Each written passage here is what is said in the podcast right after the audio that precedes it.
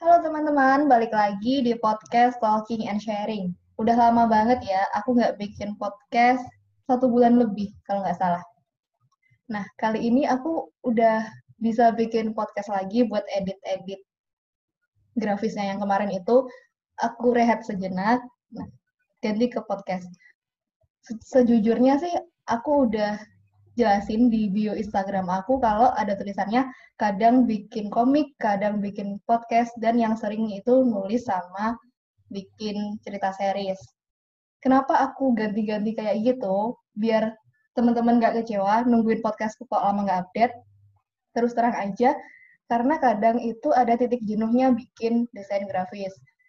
Ya udah, buat ngelempar kejenuhan itu aku bikin podcast, Begitu juga sebaliknya, kalau aku bikin podcast udah bosen, itu aku ganti ke desain grafis.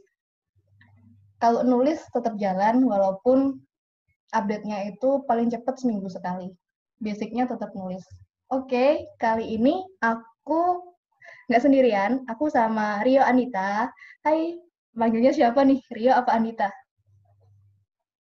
Uh, panggil Dita aja. Halo teman-teman. Hai Dita, selamat datang di podcast aku. Gimana kabarnya? Kasih, terima kasih. Alhamdulillah sejauh ini masih tetap waras. Alhamdulillah ya, belum kena corona?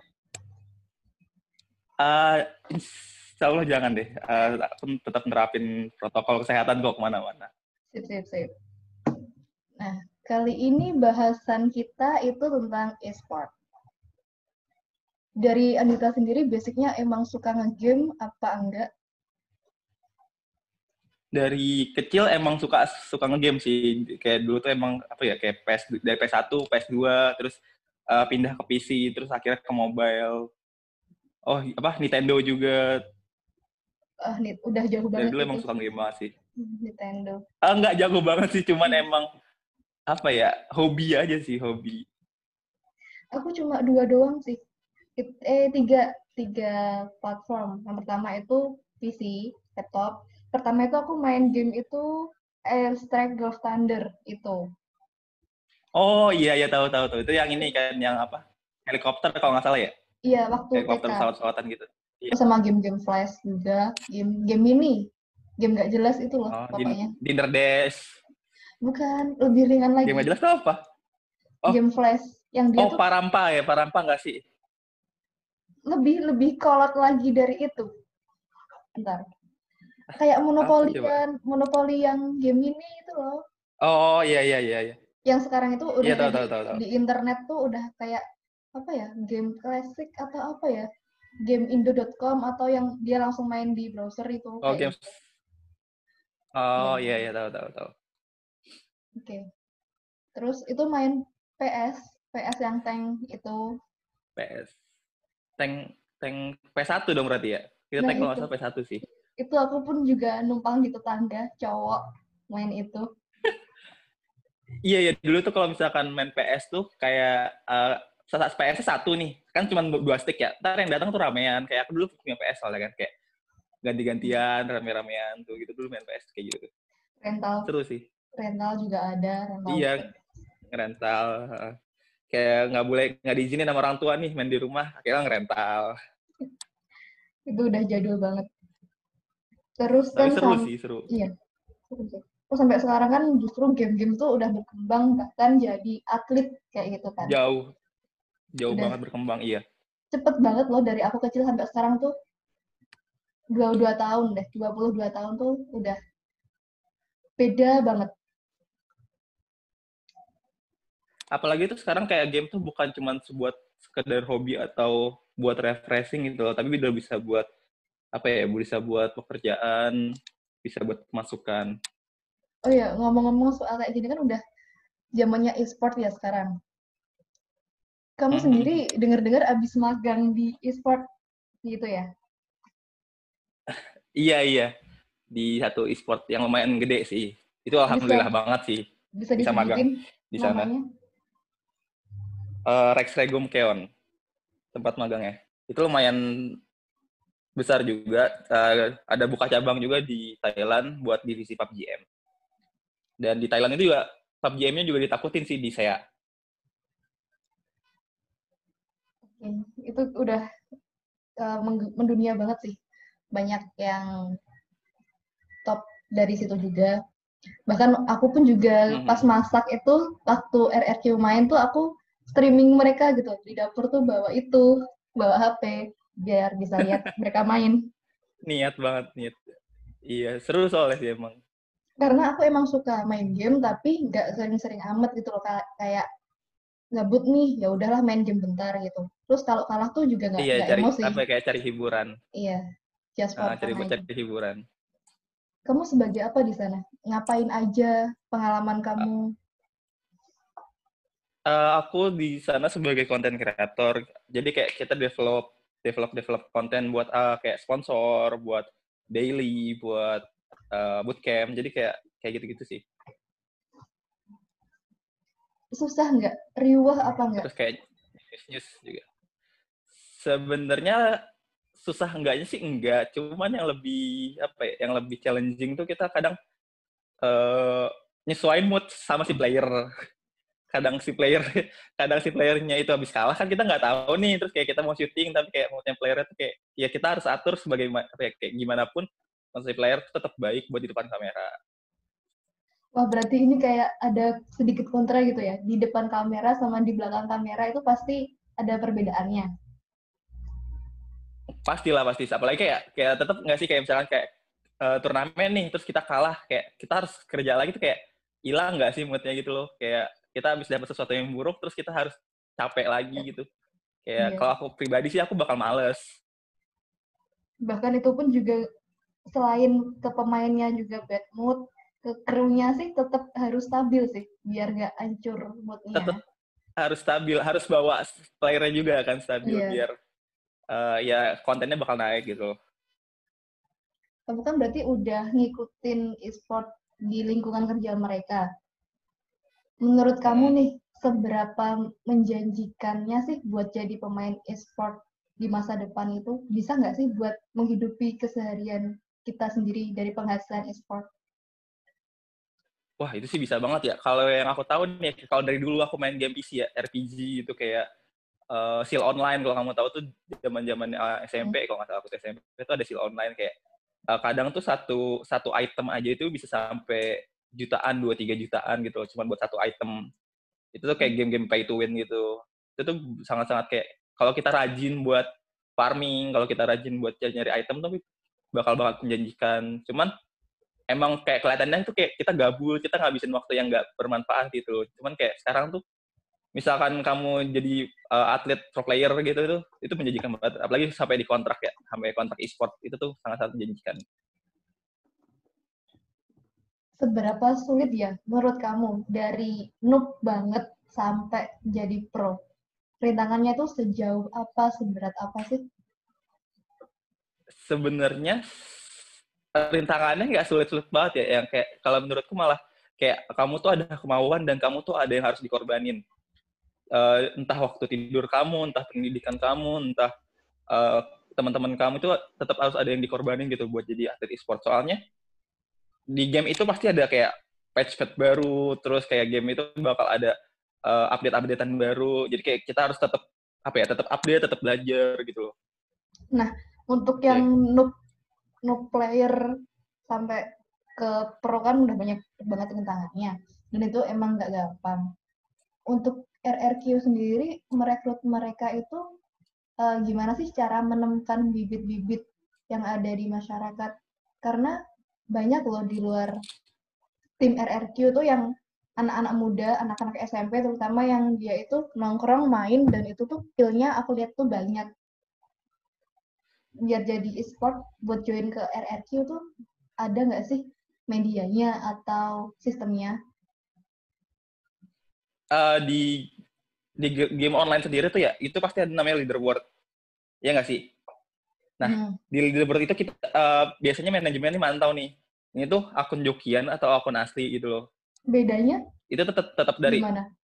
Beda dong. Kalau misalkan akun jokian tuh biasanya tuh ada ada namanya ada nama-nama aneh gitu loh. Mm-hmm. Nah, kalau misalkan dari akun asli itu dia dari track recordnya, terus teman-teman mabarnya itu stabil. Kalau aku jokian mm. dia nggak stabil teman-teman mabarnya. Dan nah, kalau akun asli itu biasanya teman-teman mabarnya itu emang lingkungannya dia. Ada nggak sih kayak kursus atau training buat nemuin bibit-bibit kayak gitu?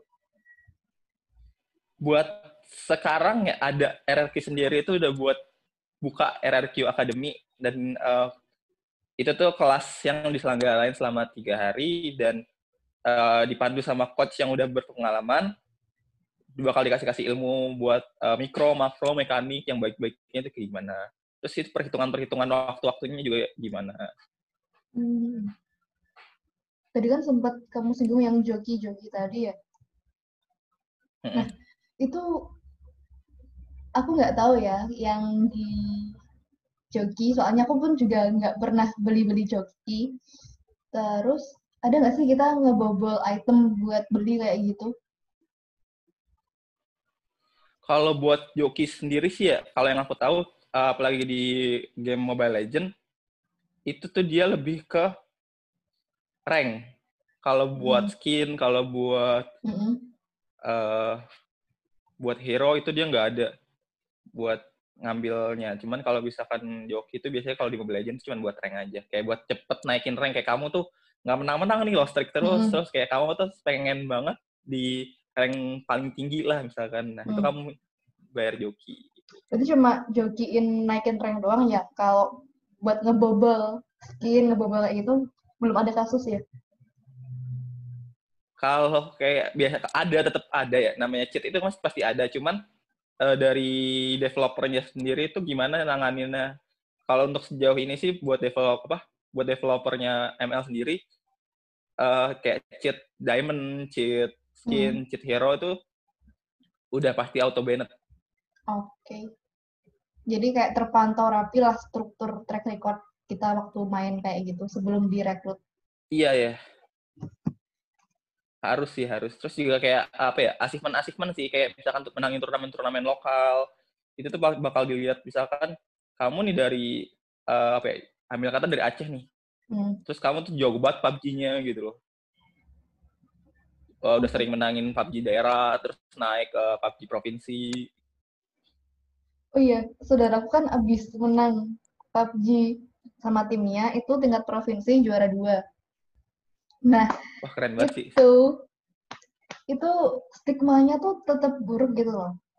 Orang tuanya tuh kayak bilang gini, uh, iya dia itu suka main PUBG, tapi uh, kurang menjanjikan gitu loh ke depannya soal kalau ngandalin PUBG doang, anak ini bisa apa? Tanya gitu ke aku. Terus aku mau ngejelasin panjang lebar, kok situasinya itu kurang mendukung ya. Karena orang tuanya itu emang apaan sih main game online gitu loh ke depannya tuh bisa mapan apa enggak kerjaannya kayak gitu menurut kamu tuh gimana mengatasi soal hal itu karena kan orang tua kan emang punya hak penuh ya buat mengarahkan dan mendidik anaknya apalagi dia itu masih SMP kelas 3 Iya, aku apa ya? Kalau menurutku malah ini ya. Sebenarnya kayak kita ngejelas gimana cara si anak ngejelasin sih. Soalnya dari dari yang aku tahu sendiri itu misalkan ketika kamu udah masuk satu uh, e-sport, hmm. e-sport itu juga bakal bertanggung jawab buat pendidikan kamu. Kita hmm. ambil contoh MVP MVP uh, eh, MPL kemarin Albert. Hmm. Dia tuh udah di ya? Jadi dia tuh di dibeasiswain sama RRQ buat lanjut sekolah. Dibeasiswain? Buat tetap sekolah gitu loh. Oh, buat sekolah pendidikan kayak tingkat jenjang resminya dia formal ya? bol uh, tetap tetap buat pendidikan formalnya kayak uh, jadi tuh pas MPL nih kan MPL hari Jumat Sabtu Minggu hmm. nah pas itu tuh aku aku inget banget aku datang ke GH hmm. si Albertnya ini lagi UTS sebelum MPL MPL main jam setengah empat nah jam satuan itu Albert masih UTS Gila. Itu dia tuh udah gitu kayak udah top banget tuh buat ngatur waktunya. Berarti iya ada bener, ada konsekuensi. Ada konsekuensi nggak sih? Misal dia itu juara ini kalah, terus biayanya beasiswanya itu dicabut. Ada konsekuensi kayak gitu nggak? Ya, tetap nggak sih. Paling kayak misalkan uh, balik lagi ke kontrak sih. Setahu aku malah kalau kontrak di RRQ itu lumayan lama ya. Jadi kayak prestasi kamu di Dan- RRQ kayak turun kayak ranknya kamu dari pemain lain itu kayak turun gitu. Tetap berlakunya itu masa kontraknya.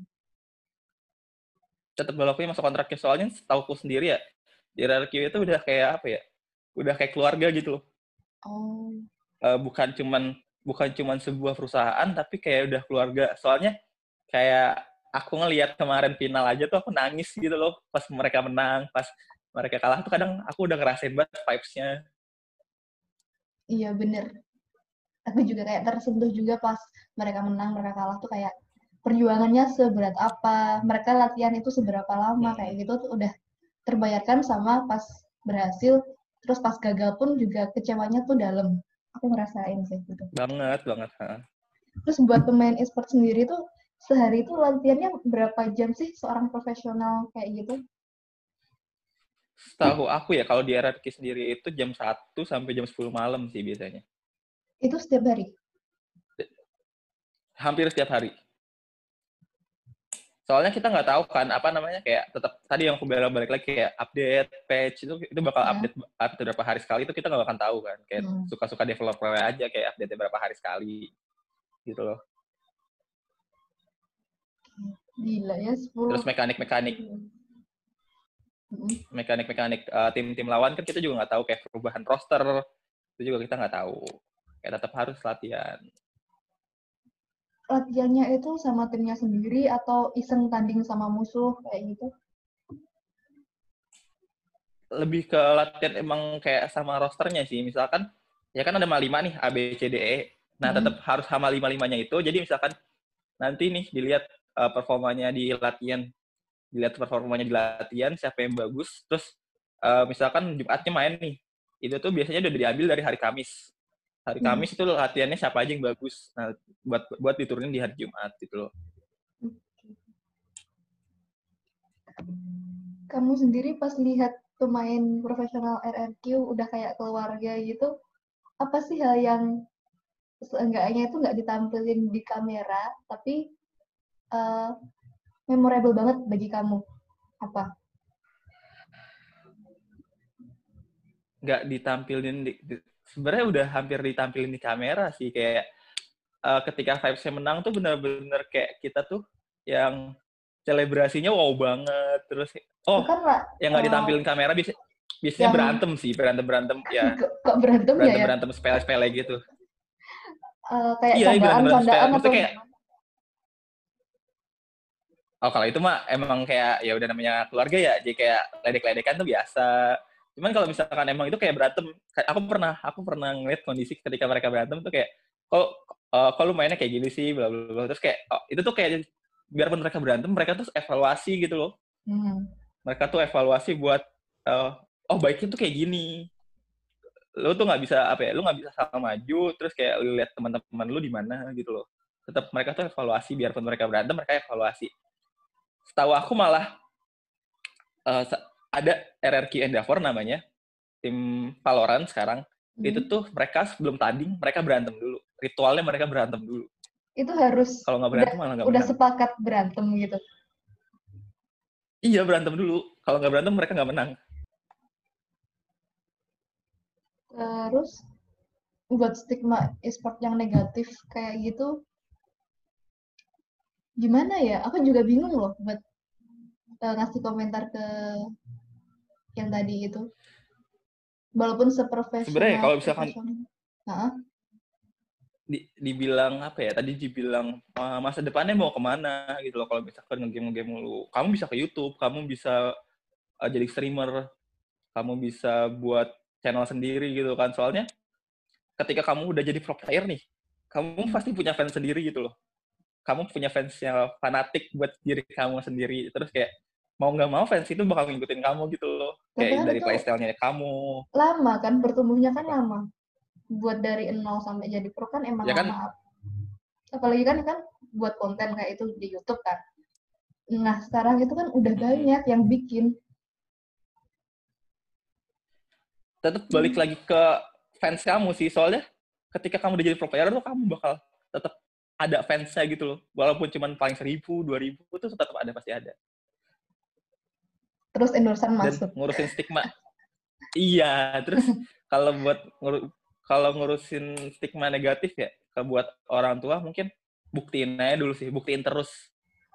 Hmm. kayak kamu tuh ngasilin banget buat main game. Soalnya buat uh, kalau kamu nonton semprot ya kalau kamu nonton apa channelnya uh, Gading Martin dan kawan-kawan tuh uh, Pak Ape pernah bilang gajinya pro player di RRQ itu setara Honda Jazz.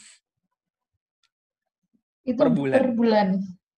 Mungkin mungkin dua tiga bulan udah bisa beli rumah sendiri gitu kan.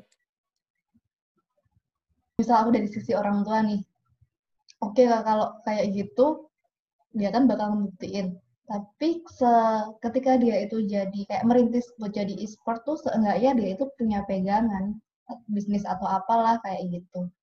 Tetap utamanya di e-sport. Mungkin itu sih yang di pikiran aku ketika aku jadi orang tua terus anakku mau ke e-sport. Karena kan nggak tahu hmm, e-sport tapi kan ke depannya gak... tuh kayak gimana gitu kan.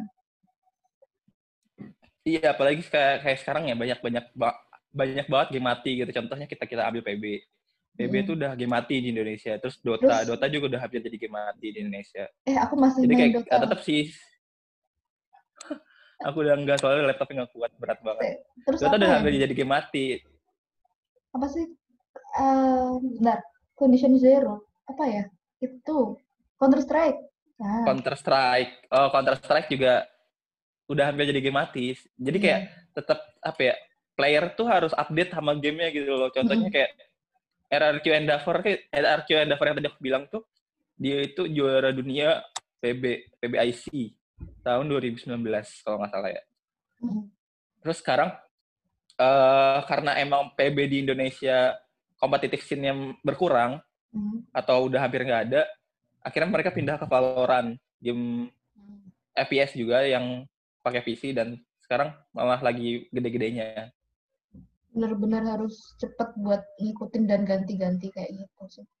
Tantangannya. Iya, benar-benar harus adaptasi sih benar harus adaptasi sama game baru.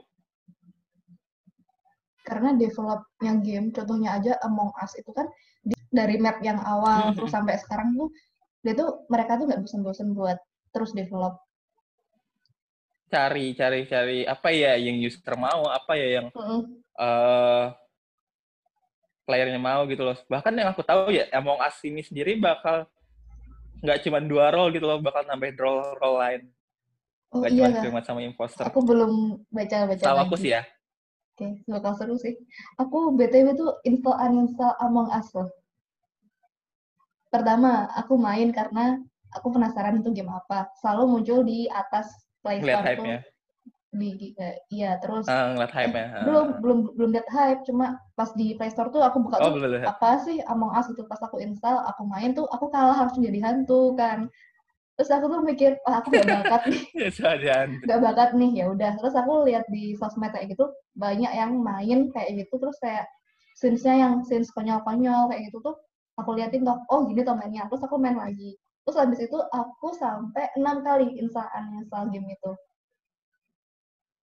nggak tahu kenapa ya kalau main Among Us tuh lebih enak ini sih lebih enak sama temen temen-temen sendiri bakal lebih konyol ah, uh, lebih konyol soalnya udah kelihatan sih ini nipu apa enggak. Iya, Tapi temen kan ngomporinnya gampang. Iya iya kayak uh, gitu benar benar benar. Kayak apa ya? Kayak klik kayak misalkan dia bohong tuh kayak ah bohong nih pasti ketahuan gitu loh.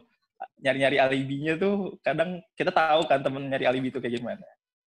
Kamu kan udah magang sebagai konten kreatornya di RRQ lah, udah tahu keseharian mereka. Selain sebagai konten kreator, apa aja sih yang ada di sana aktivitasnya?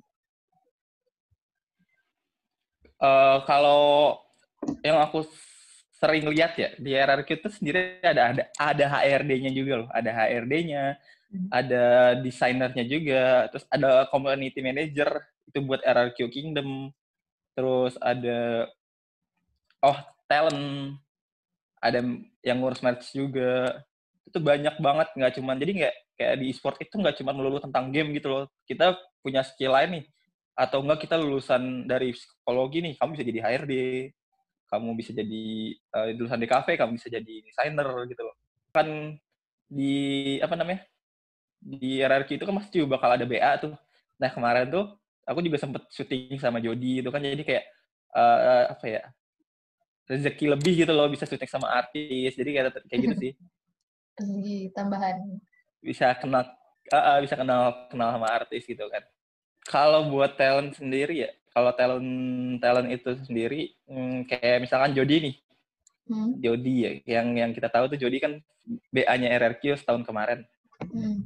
dia itu jadi kadang dia jadi supporter di RRQ terus kayak promosiin RRQ juga. Jadi kayak uh, apa ya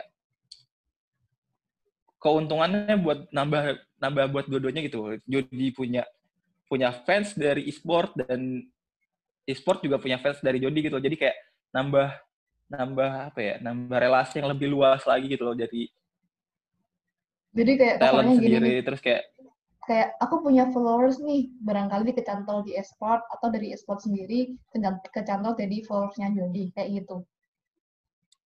Iya iya kasarnya kayak gitu kurang lebih. gitu. Terus juga apa ya talent talent itu juga mal apa ya jadi deket juga sama player gitu loh. Contohnya si Angel uh, dia kan mantan Valkyrie. Kalau kamu tahu Valkyrie 48 itu e-sportnya JKT mm uh, dia tuh sekarang lagi deket sama si coachnya RRQ Hoshi James. Jadi kayak uh, si talent ini juga punya apa ya punya privilege buat deket sama teman-teman dari player bakal bisa nge-boosting juga nggak sih si talent-talentnya ini boosting yeah. dari uh, konten-kontennya RRQ terus kayak uh, RRQ juga punya fresh apa ya kayak fresh gitu loh punya teman-teman yang fresh yang bisa buat emang bener-bener konten pure ke konten gitu tukar value lah sama-sama menguntungkan antara kedua belah pihak mm -hmm. soalnya kan emang kayak nggak nggak selalu bisa apa ya nggak selalu bisa develop konten bareng player soalnya kan player juga punya kesibukannya sendiri gitu loh. Aku as a creator kayak aku cuma magang nih tapi ditawarin side job juga di luar RRQ gitu loh. Jadi kayak chance-nya itu nggak cuman kayak kalau apa ya pas kamu bisa dan menyanggupi itu tuh kamu bisa bakal lebih berkembang lagi gitu loh. Hmm. paham Terus, paham buat ngedevelop karyawannya buat nge-improve meningkatkan skillnya tuh dikasih media lah sama mereka kesempatan buat kayak gitu terus -hmm. tapi tetap nggak apa ya nggak meninggalkan tanggung jawab sih. Kamu sendiri merasa bertumbuh nggak di perusahaan esport sebagai konten kreator selama magang? Ada skill-skill baru yang sangat, kamu sangat kayak gitu? Kayak Contohnya? aku kan paling paling ini ya paling kayak uh, aku cuman user Premiere Pro gitu loh. Coba kayak uh, aku di sana diajarin After Effects dengan berbagai macam efek yang Eh, nggak uh, masuk di kepala aku. Cuman ya aku oh ini tuh basicnya tuh kayak gini pakainya ini gitu loh. Kayak bener-bener hmm. banyak banget sih. Berarti yang nggak ada di kampus tuh banyak yang di situ? Materi-materi pengalaman? Banget. Banget banget banyak banget apalagi ya kalau misalkan di kampus tuh uh, sorry itu sesi ya kalau di kampus tuh menurut aku develop kontennya tuh lumayan ribet gitu. Karena teoritis nggak sih? Nah sistemnya itu terlalu ribet. Padahal ketika aku ya aku, aku pribadi magang di RRQ tuh kita uh, kita mau buat konten apa nih? Oh ini. Ini cocok nggak buat ini? Kalau bisa sekalian aja buat sponsor. Jadi kayak tektokannya tuh cepet gitu loh sekali dayung dua tiga pulau terlampaui gitu iya iya gitu sama ya kayak kan, uh, di hmm?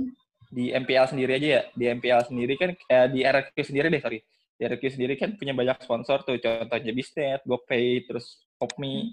Nah itu tuh kayak uh, gimana kalau kita bikin konten MPL tapi kita masukin juga sih produk sponsor. Gitu. Jadi kayak tetap tetap apa ya tetap dapat konten sponsor, tetap dapat konten kita sendiri gitu loh.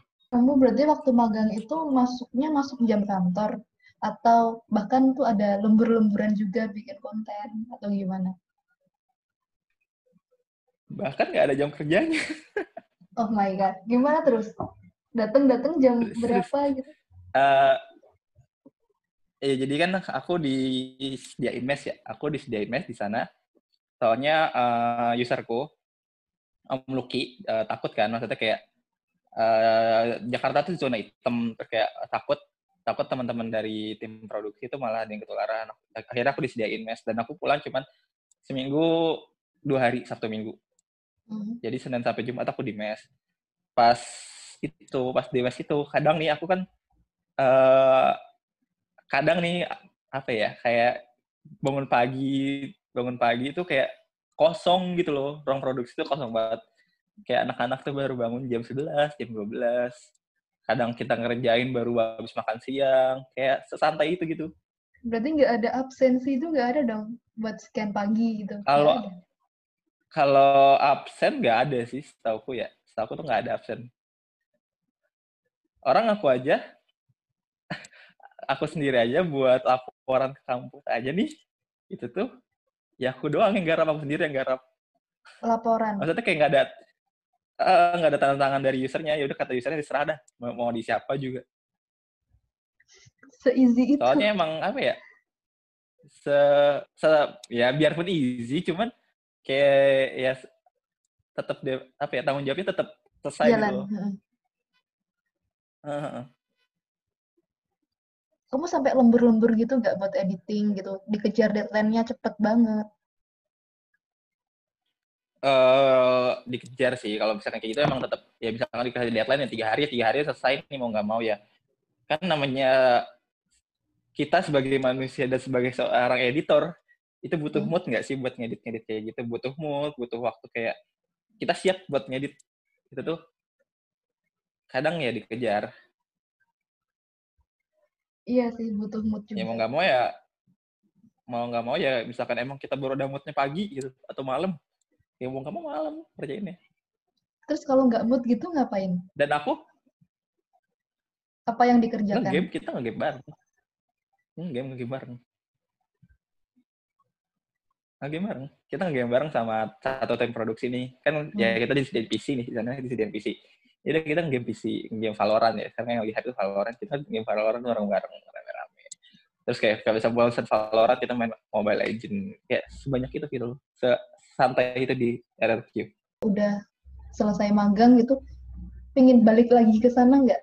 Buat kerja ke sana lagi? Yang bikin kamu Emang buat balik, itu ngomong balik lagi ke sana tuh apa sih? Gue harus kerja sana lagi nih karena apa? Menurut lo sendiri?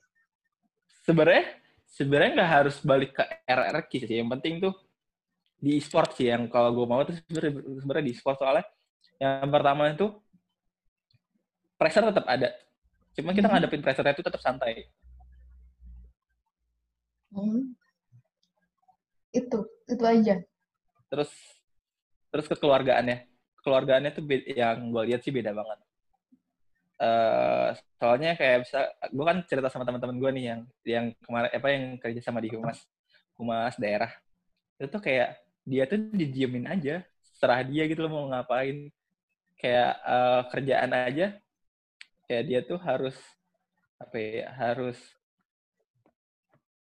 nanya banyak orang gitu loh gue harus ngapain gue harus ngapain. Sedangkan kalau di sport sendiri sih kekeluargaannya kayak ya udah yuk kita nongkrong ya udah yuk kita makan. Uh, gua pernah banget pernah banget gue lagi pusing nih lagi pusing bener-bener lagi kayak uh, banyak kerjaan terus ada juga masalah di rumah terus kayak hmm.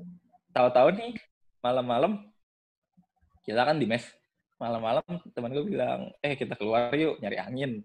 Ya udah kita akhirnya nongkrong kayak seenak itu sih. Jadi kayak ya udah nerima apa adanya siap semua yang bergabung ya Iya, kayak bukan lu bawahan gua, lu junior gua, enggak enggak kayak gitu. Kamu pernah lihat nggak pengalaman lucu apa gitu sama tim e-sport waktu kamu magang? Pengalaman lucu, pengalaman lucu ini sih player tuh nggak bisa didirect buat acting. Actingnya tuh emang kaku. Kaku lucu gitu sih. Contohnya acting kayak gimana? Uh, aku kan pernah pernah buat konten buat GoPay ya, pernah buat sponsor. Hmm. Itu tuh kayak dibuat senam aja tuh kayak sambil ketawa-tawa, bercanda-canda. Jadi kayak ya lama sih, cuman ya emang gak berasa capeknya. Ya karena basicnya kan bukan artis ya, pemain atlet kan. Iya makanya, iya makanya. Emang emang lucu sih kayak ngedirectnya tuh malah sambil aku aku yang ngedirect juga sambil ketawa-tawa. Gak gak kesel enggak, jadi gak kesel, cuma jadi ketawa-tawa. Dari yang terberat waktu kamu magang, itu waktu ngerjain apa? Yang paling berat banget dilalui? sebenarnya hal paling berat itu yang kemarin MPL cuman pas banget MPL minggu ke berapa ya aku keluar kan aku tuh udah selesai gitu jadi kayak hmm. aku nggak ngerasain hal-hal terberat sih. Sebenarnya MPL yang terberat soalnya emang udah gede kan. Kita RRQ itu gedenya di ML terus kayak aku tuh sering kalau misalkan emang teman-teman mau apa ya teman-teman mau berkarir nih jadi pro player kah? Itu tuh uh, aku pernah dengar motivasi satu orang. Hmm. uh, kayak mainlah mainlah kamu sampai idola kamu itu jadi teman kamu atau musuh kamu keren tapi aku mau menyanggah itu, itu sih ketika uh, jadi musuh atau teman main ya nah kalau sekarang bocil-bocil bukan teman main sih satu tim satu okay. tim gitu loh satu aliansi lah ya, enggak ya? Iya. Kenapa bocil-bocil? Bocil-bocil sekarang kalau dia jadi pemain pro player kan nunggu be beberapa tahun lagi. Nah, sementara idolanya udah veteran kayak gitu. Seenggaknya jadi coachnya dia lah ketemu gitu. Iya, at least, at least kan di, at least di satu tim kan. At least mm -hmm. ada di satu tim. itu sih motivasinya sih yang yang benar-benar yang dari dulu emang sebenarnya buat aku terngiang dan buat aku oh benar juga sih cuman ya uh, basic skill kok nggak di sana gitu loh.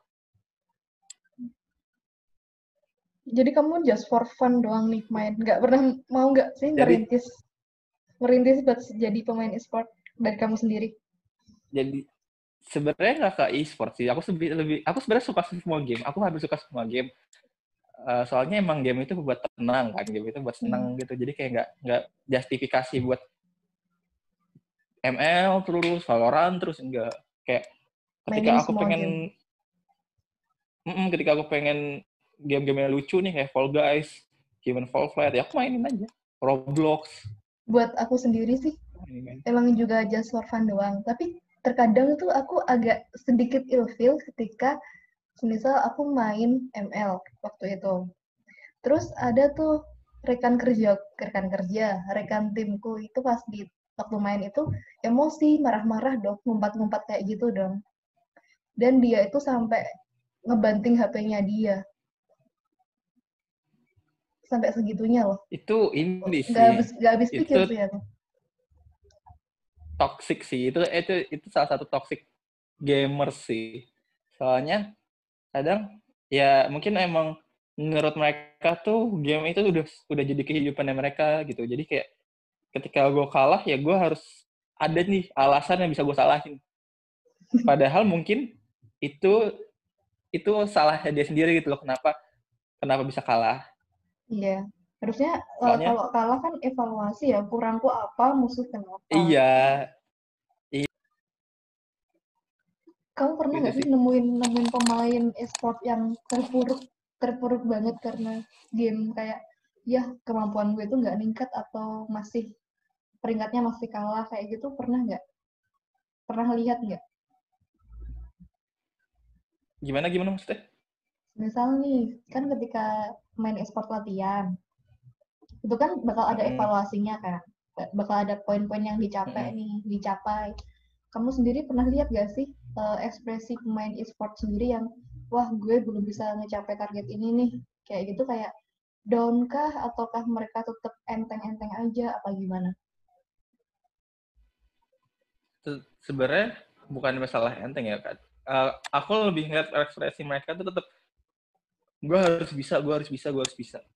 Tetap slow gitu? Apakah tetap uh, terbesit under pressure-nya mereka kelihatan apa gimana? ya mungkin mereka under pressure ya, cuman emang di e-sport ya mau nggak mau tetap tenang nggak sih? Tetap soalnya kompetitif scene itu emang benar-benar berat gitu kalau menurut ya. Ya mau nggak mau mereka harus jernihin pikiran mereka buat main. Soalnya kemarin di final aja nih di final MPL season 6 kemarin itu kan lima game dan game kelima itu hampir satu jam. Kalau misalkan satu jam itu kita nggak tenang, hmm. gimana mau menang gitu loh eh buat nama-nama pemain sendiri itu emang bikinan mereka sendiri ataukah dikasih nama kayak gitu? Soalnya kan lucu-lucu ya. Hmm, ya emang itu pengennya mereka sendiri sih soalnya. Ya mungkin mereka punya filosofi gitu. Hmm. Kayak kenapa harus namanya Rainbow, kenapa harus Lemon. namanya Lemon kan kayak mereka tuh punya punya motivasi sendiri kayak uh, apa ya itu nama yang cocok buat gue sesuai karakteristik gue mungkin kuno gitu loh. Bahkan uh, kalau kamu tahu ada ada nama playernya nama player tuh 824 back to four. Literally angka loh ya literally angka mm -hmm. 824 itu, itu dia punya filosofi kayak dia bingung mau ngasih nama apa kan. Akhirnya uh, dia ngelihat nomor HP-nya dia, awalan nomor HP-nya dia 824. Oh ya udah, akhirnya 824 kayak serandom itu gitu, ngasih nama nama itu. Emang ada yang random, ada yang berfilosofi. Iya, iya. Batasan pensiun sendiri itu usia berapa buat pemain e-sport? Sejenuhnya. Sejenuhnya? Really? Sejenuhnya. Really? Really. Jadi ketika usia 40 really? tahun Mungkin... tuh masih masih fit, masih saraf motoriknya masih cepet banget gitu, ya udah main gitu. Masih terus main. Gila. Masih main. Kira ada batasan. Kalau misal iya kan itu kan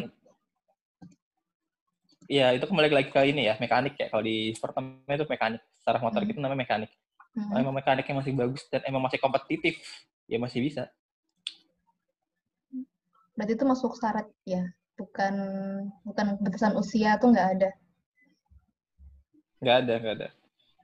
Ya kan tetap dong manajemen pasti mempertimbangkan kamu nih, kamu udah tua terus kayak masih main kayak sekarang aja yang kau tahu ya next Jack itu udah hampir 30-an ya. Masih eh, main. next Jack itu dia hampir 3 masih main. Tapi kan kalau bedanya atlet ya makannya dijaga kalau mereka makannya enak semua. lo pernah lihat pemain-pemain kayak gitu makannya apa aja? Aku pernah bantu ngetek buat MPL kan. Aku pernah bantu ngetek buat MPL. Dan untungnya mereka menang nih. Untungnya mereka menang. Itu langsung ada dua, tiga box pizza. Terus kayak bakmi GM. Kayak kalau misalkan mereka tanding itu kayak menang tuh udah udah makannya udah pasti enak. Kesehatan mereka itu terpantau kan selama latihan di di kandang mereka sendiri? Terpantau lah, terpantau banget. Terpantau orang udah di apa kayak udah fasilitas medical check up tuh udah ada, udah pasti ada medical check up, terus apartemen tuh udah ada semua. Komputer, device, device saya tuh dikasih. Jadi kayak misalkan kamu sekarang device-mu uh, Xiaomi gitu, Xiaomi berapa, terus kayak tapi kamu udah jago banget, terus kayak kamu dikontrak nih sama apa namanya sama salah satu tim e-sport. Terus kayak kamu nggak akan main lagi di HP Xiaomi mu HP Xiaomi mu buat kamu aja. Kamu bakal main di HP tim tersebut gitu. Harus kamu bakal harus, difasilitasin HP itu harus pakai itu soalnya yang soalnya eh, bukannya harus ya. Kayak soalnya kayak menurutku itu uh, tiap device itu beda kan. Tiap device hmm. itu punya uh, graphic card, prosesornya beda dan ketika kamu main di graphic card atau di prosesornya beda itu bakal ngaruh banget ke gameplay gitu loh. Hmm. Jadi kayak mending udah disiapin yang bagus buat gameplay kamu yang buat lebih bagus lagi. Ya ketika kamu main di HP jelek tapi skillmu udah bagus banget, apalagi kamu main di HP bagus HP kan bagus. bakal lebih lebih lagi. Iya.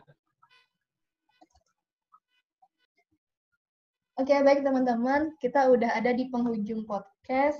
Terima kasih buat Dita udah sharing pengalamannya selama internship di eSport. Terima kasih Dita buat sharingnya. Thank you, thank you, thank you. Buat teman-teman di luar sana, ketika uh, ada stigma buruk tentang mimpi kalian buat di masa depan itu jangan patah semangat, tetap tekuni apa yang kalian impikan dan wujudkan itu dengan cara yang tepat dan yang baik dan yakinkan kedua orang tua kalian. Nah, semoga podcast ini bermanfaat. Tetap buktiin. Iya, tetap buktiin. Semoga podcast ini bermanfaat buat teman-teman. Sampai jumpa di podcast berikutnya. Bye-bye. Bye, Dita. Bye. Thank you, Alpha. Thank you. Bye.